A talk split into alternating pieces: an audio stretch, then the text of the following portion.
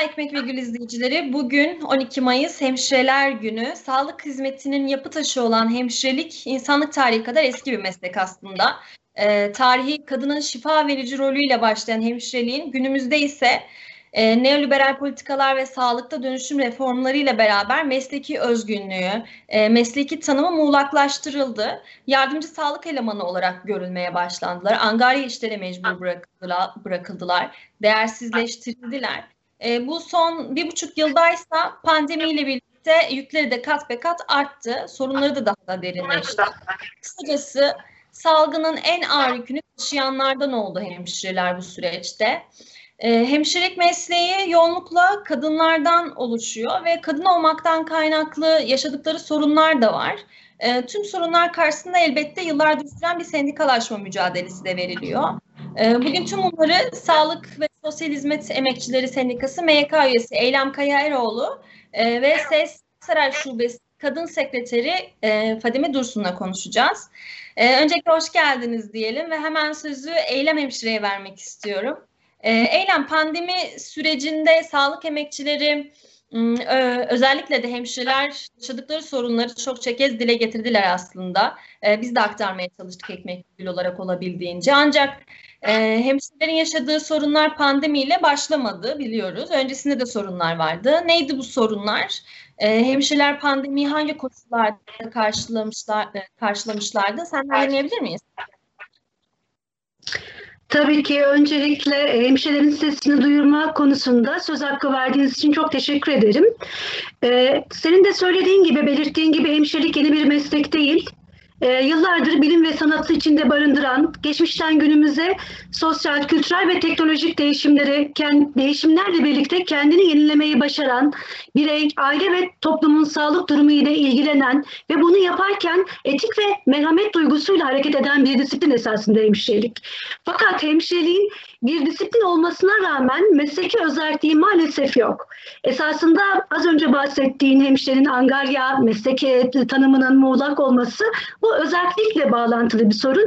Belki de hemşireliğin şu an ülkemizdeki hak ettiği sağlık disiplini ya da mesleklerini bulamamasının temel nedenlerinden birini bu olarak gösterebiliriz.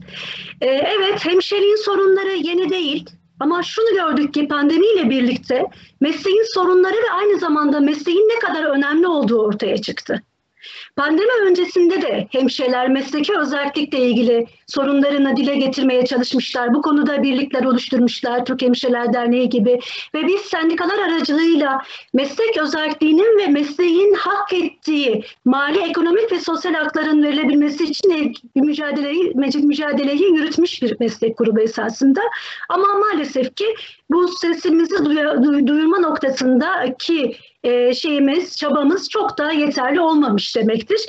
E, esasında e, hemşirelik hizmetleri sağlık sisteminin bir parçası. Sağlık hizmetinin ve de sağlık sisteminin herkese adil, eşit olmasıyla birlikte nitelikli bir sağlık hizmetinin sağlanmasıyla paralel hemşirelik hizmetleri de. Sizin insana verdiğiniz değer, sağlık tanımınız, sağlığı bir hak olarak nitelendirmeniz ve e, sağlık meslek mensuplarına da yaklaşımınız esasında paralel giden bir durum. Hemşirelik de bu durumlardan etkilenmekte. Hemşireliğin sorunları biz pandemiye hemşireler olarak nasıl yakalandık, hangi şartlarda yakalandık diye temel bir çerçeve çizmeye çalışırsak şöyle şunu söyleyebiliriz çok net olarak. Türkiye'de hemşireler e, hemşirelik insan gücü planlanmasının yıllardan beri yapılmamasından kaynaklı hemşire insan gücü eksikliğiyle pandemiye yakalandılar. Ve mesleğin uzamış çalışma saatleri, tükenmişlik oranının yüksek olması, turnover oranlarının yüksek olması, mobbing, angarya esasında bu hemşire insan gücü yetersizliğiyle çok paralel ve e, devamında ilerleyen problemler hepsi. Yani dolayısıyla en büyük problemlerimizden birisi hemşire insan gücünün yetersiz olması ve sağlık finansmanından hemşireliğin olumsuz bir şekilde etkilenmesi. Biz sağlık sisteminin hem olumlu hem olumsuz avantajları, hem olumlu ya da olumsuz özelliklerinden çok etkilenen bir meslek grubuyuz. Sağlık hizmeti sunarken elimizde yeterli donanımın olması, tıbbi malzemenin, tıbbi donanımın olması, hemşire dışındaki diğer sağlık personelinin yeterli sayıda olması yine finansman yetersizliği, mali kaygılarla hemşireye verilen ücretler gibi e, maliyeti azaltma gibi uygulamalardan çok net etkilenen bir meslek grubuyuz esasında. Yani temel olarak şunu söylemeye çalışıyorum. E, Türkiye'deki hemşireler pandemiye e, yetersiz hemşire sayısı ve e, sağlık finansmanındaki yetersizliklerle yakalandılar e, ve pandemiyle birlikte de sorunları kat be kat artmış oldu. Peki bu pandemi sürecinde artan sorunlar neydi? Hangi daha e, pandemiyle birlikte hangi sorunlar daha yakıcı hale geldi ve daha da derinleştiler? Bunlara da devamında bahsedebilir misin? Tabii ki temel sorunlarla birlikte pandemiyle birlikte e, pandemi Pandeminin ilk zamanlarında temel olarak koruyucu ekipman sıkıntısıyla hemşireler karşı karşıya geldiler. Hemşireler sağlık hizmeti üretirken e, profesyonel bir meslek olmasından kaynaklı ilk önce kendi sağlıklarını korumak zorundadır. Siz hemşirenin sağlığını koruyamadığınız takdirde toplumun sağlığını zaten koruyamazsınız.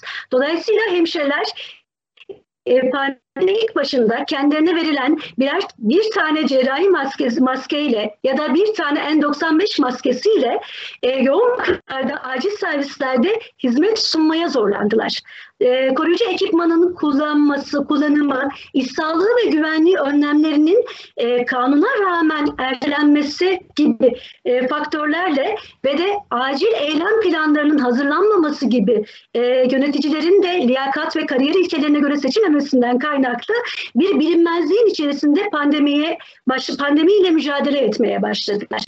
E, bunun olmazsa olmazlarından birisi koruyucu ekipmanlardı ki bu koruyucu ekipmanlar yetersiz olarak sağlandı.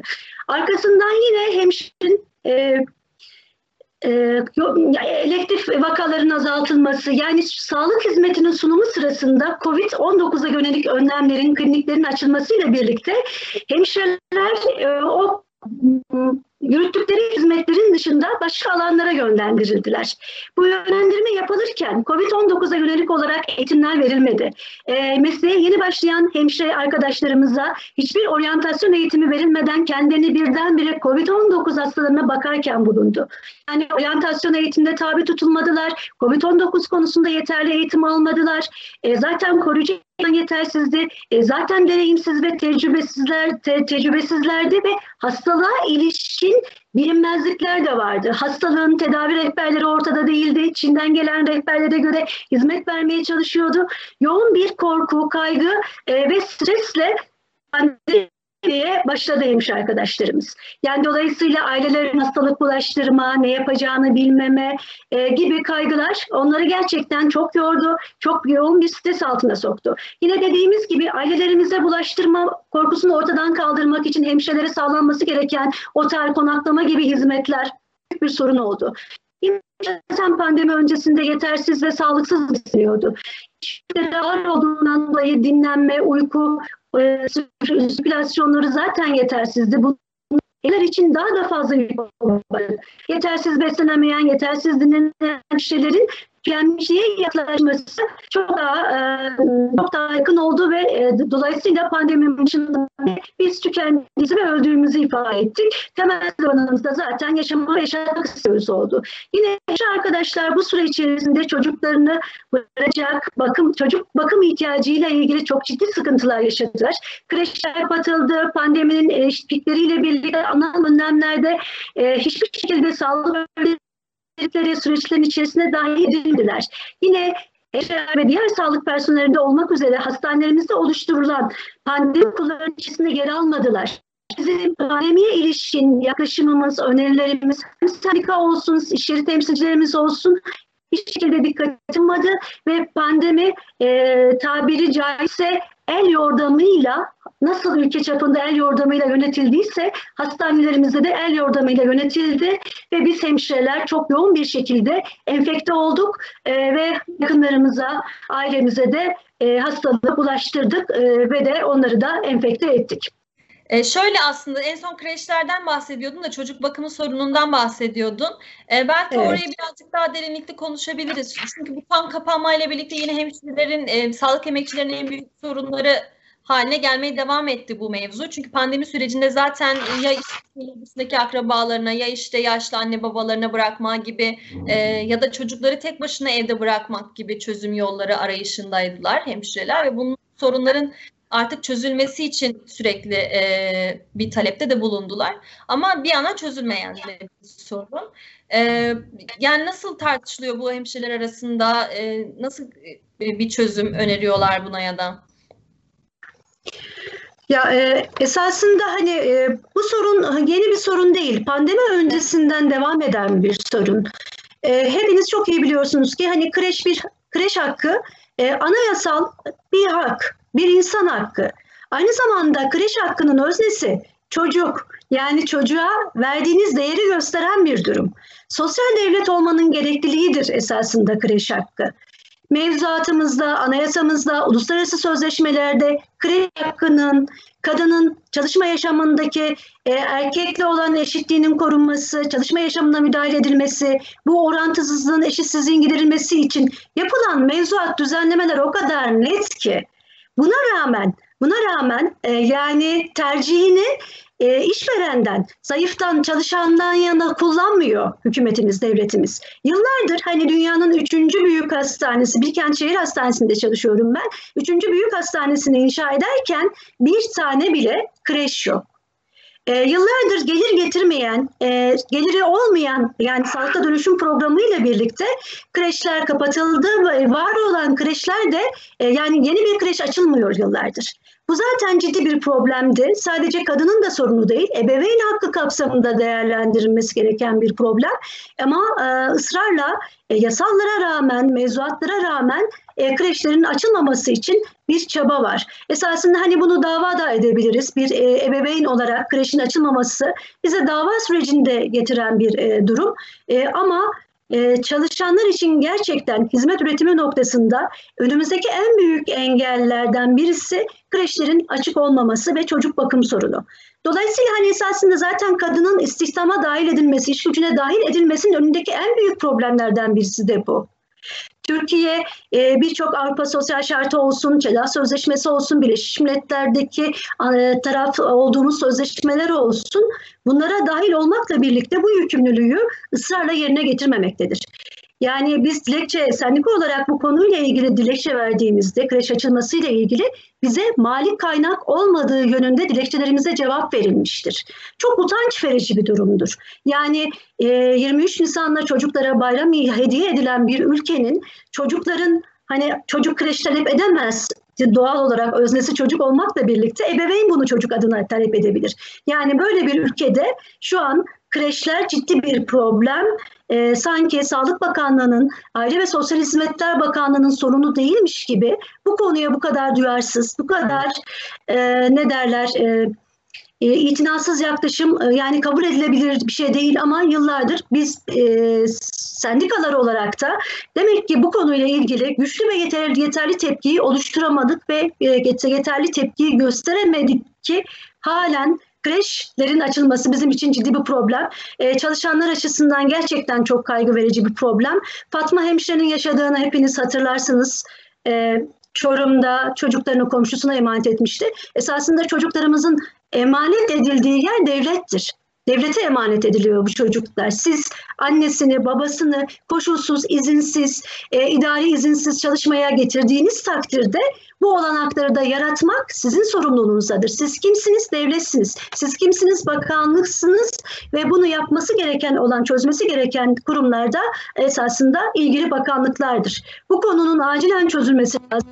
Evet sağlık emekçilerinden salgınla mücadelede her zaman ön, ön, ön saflarda bir mücadele bekliyorken onların sosyal, mali ve ekonomik her türlü kaygılarını ortadan kaldırmak zorundasınız. Bu konuya yaklaşım e, bu şekilde olmalıdır. Peki Eylem sana son bir soru sormak istiyorum.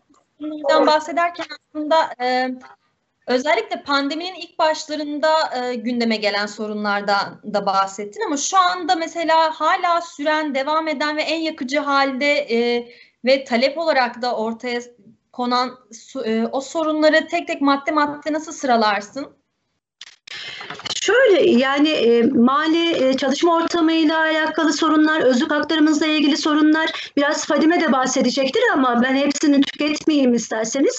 E, şöyle e, başlangıçta esasında ücretle ilgili bizim ciddi problemimiz var. Biz pandemi öncesinde de performans uygulamasından e, çalışanlara hani şöyle bir e, 100 kişiye sorsanız 98 kişisi e, performans uygulamasının adil bir uygulama olmadığını belli meslek grubuna yönelik avantajını sağladığını söyler ve pandeminin başından beri performansın kaldırılmasını tek kalemde yoksulluk düzeyinin üstünde insanca yaşayacak ücret talebimiz vardı. Bu talep pandemiyle birlikte artan enflasyon oranı vergi yüküyle birlikte daha da ön plana çıkmış vaziyette. Şu an sağlık emekçileri pazara markete gittiğinde e, bu, yıllar öncesinde aldığı çocuğunu ya da ailesini haneyi geçindirecek olan e, ücret şeylerinden çok düşük bir seviyeye inmiş vaziyette. Temel problemimiz toplumun ya da halkımızın temel problemlerinden çok da bağımsız değil esasında. Bizler de temel şey olarak ücretlerimizin yetersiz olması, bize sus payı ya da riskimizin karşılığı olarak verilen ek ödemelerin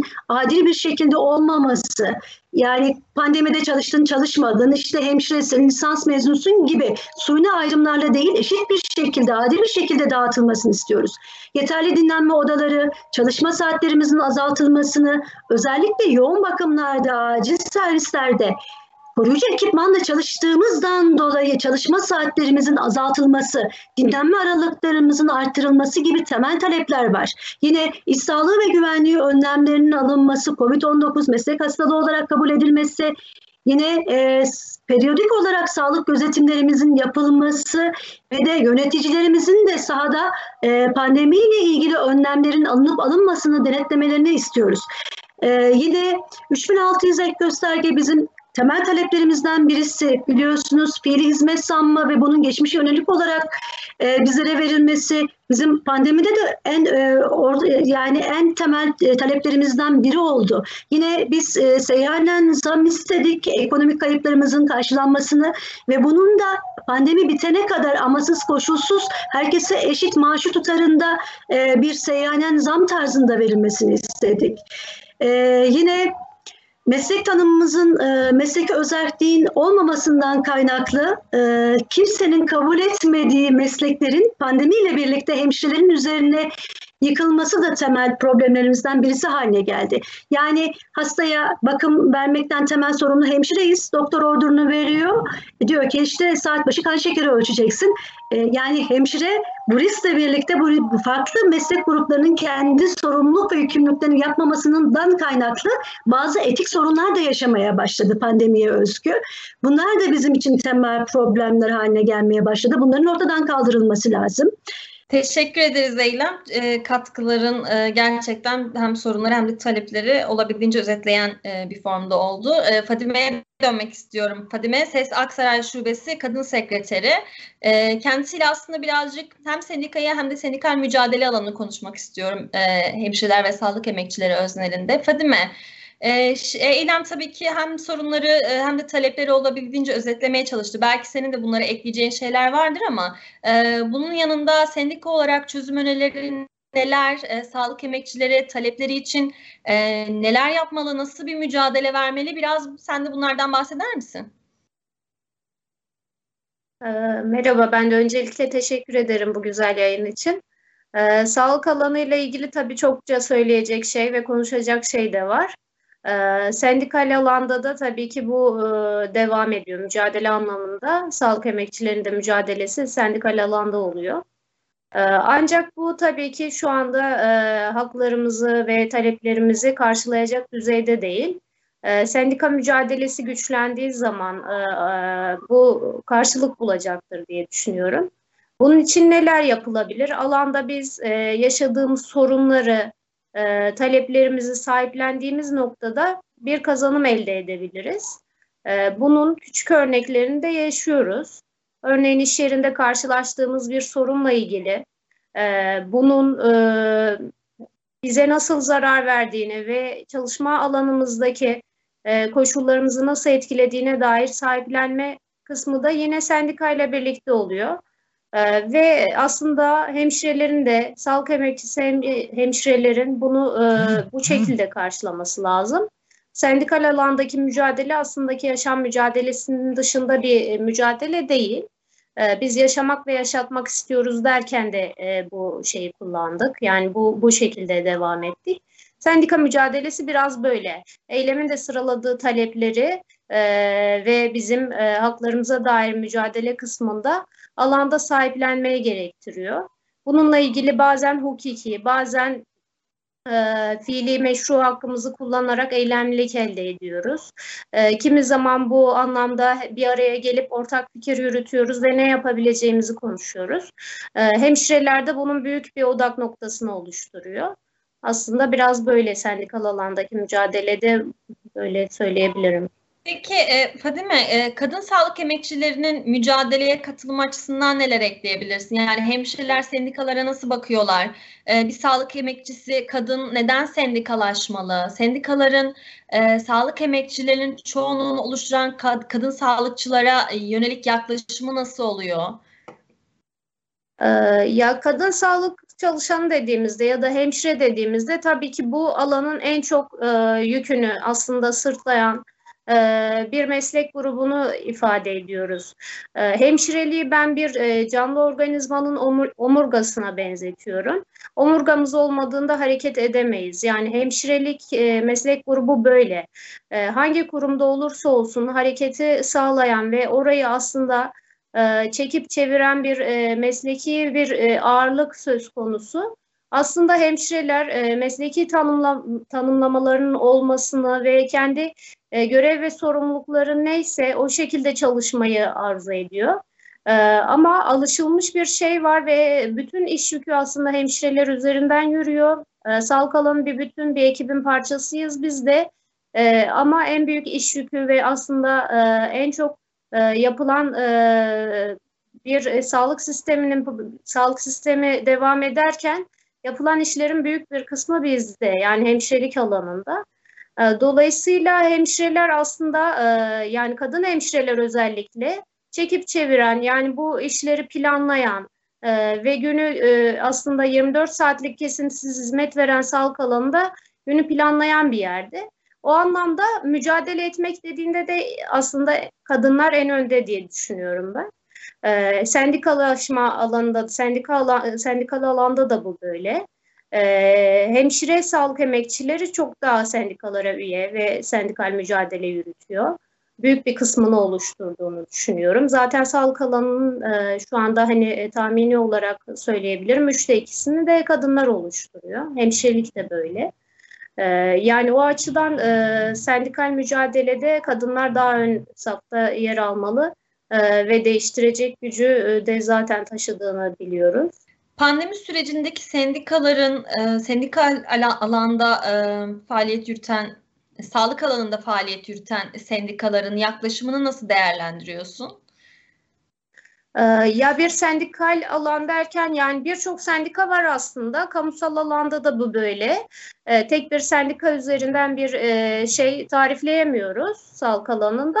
Ama e, bu pandemi döneminde e, neredeyse bu sendikacılık anlayışı hani ya sendikalar yoktu ortada açıkçası. Yani Sağlık ve Sosyal Hizmet Emekçileri Sendikası bizim içinde bulunduğumuz sendika dışında alanda bir sendika göremedik. E, yani bunu e, sağlık emekçilerin söylemiyle de ifade ediyorum.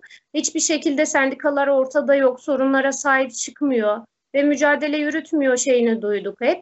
Ee, sadece sesin e, bu sorunlara ve taleplere sahip çıktığı ve alanda bunu ifade ettiği, bununla ilgili mücadele sürdürdüğü yönünde e, değerlendirmeleri vardı e, sağlık emekçilerinin. E, bu açıdan hani çok e, sendika mücadelesinin yükseldiği bir dönem olarak pandemi dönemini de değerlendiremiyorum. Yani e, belki ses açısından e, çok da aslında mücadelenin de e, getirdiği ve olanakların genişlediği bir sürecin içinden geçtik ve zaten öncesinde de zaten sorunlarımız vardı.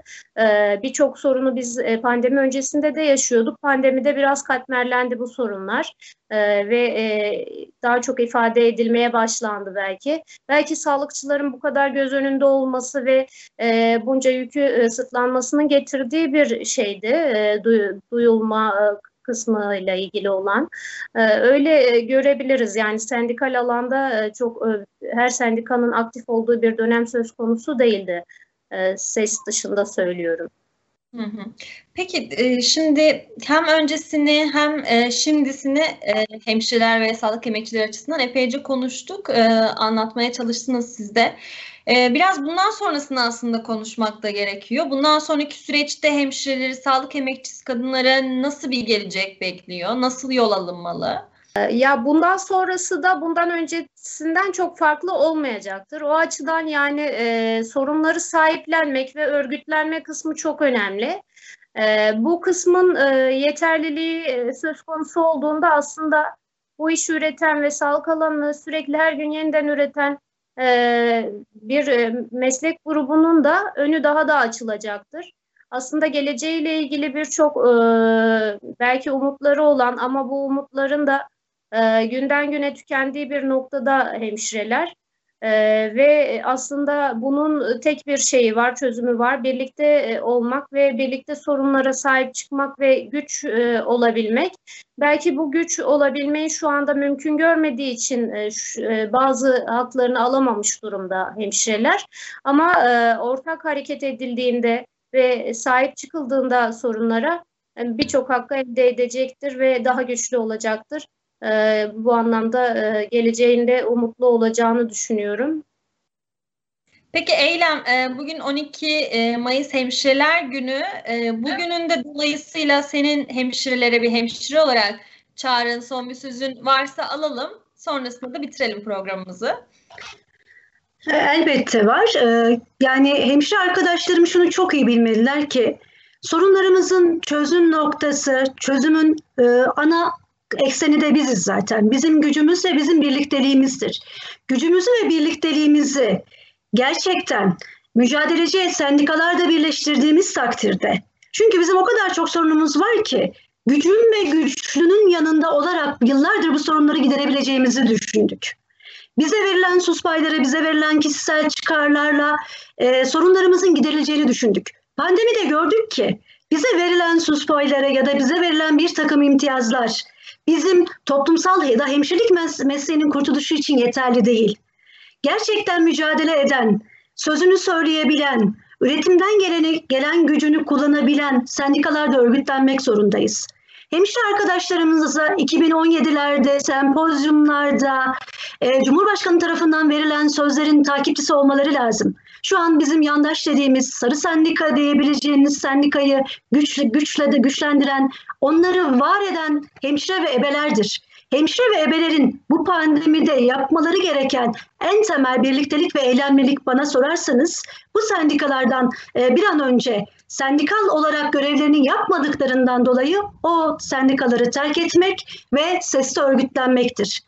E, bu şansı bu deneyimi sese hemşire arkadaşlar, ebe arkadaşlar vermek zorundadır.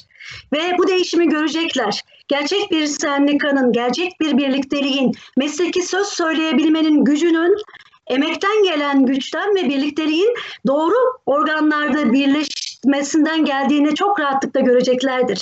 Benim hemşire arkadaşlarıma tek dileğim, tek isteğim e, gerçekten bireysel çıkarlarımız değil, meslek çıkarları için e, söz söyleyecek örgütler içerisinde yer almaları gerektiğidir. Ve bu anda hani şunu çok rahatlıkla söyleyebilirim, ses yöneticisi olduğumdan dolayı değil, bir hemşire olarak şunu söylüyorum, e, bunu yapan tek sendika şu an şu an SES'tir. O yüzden tüm arkadaşlarımı, tüm hemşire meslektaşlarımı e, sesle örgütlenmeye çağırıyorum. Peki, Katıldığınız için programımıza çok teşekkür ediyoruz. Fadime Dursun ve Eylem Kaya Eroğlu bugün e, hem hemşirelerin yaşadığı sorunlar, talepler hem çözüm önerileri açısından e, bizi olabildiğince aydınlattılar. Tekrar görüşmek üzere katkı sunduğunuz için tekrar teşekkür ediyorum. Hoşçakalın. Yaşamak istiyoruz. İnsanca yaşamak istiyoruz. Yorulduk tükendik, ölüyoruz. Artık yeter. Yaşamak, yaşatmak istiyoruz.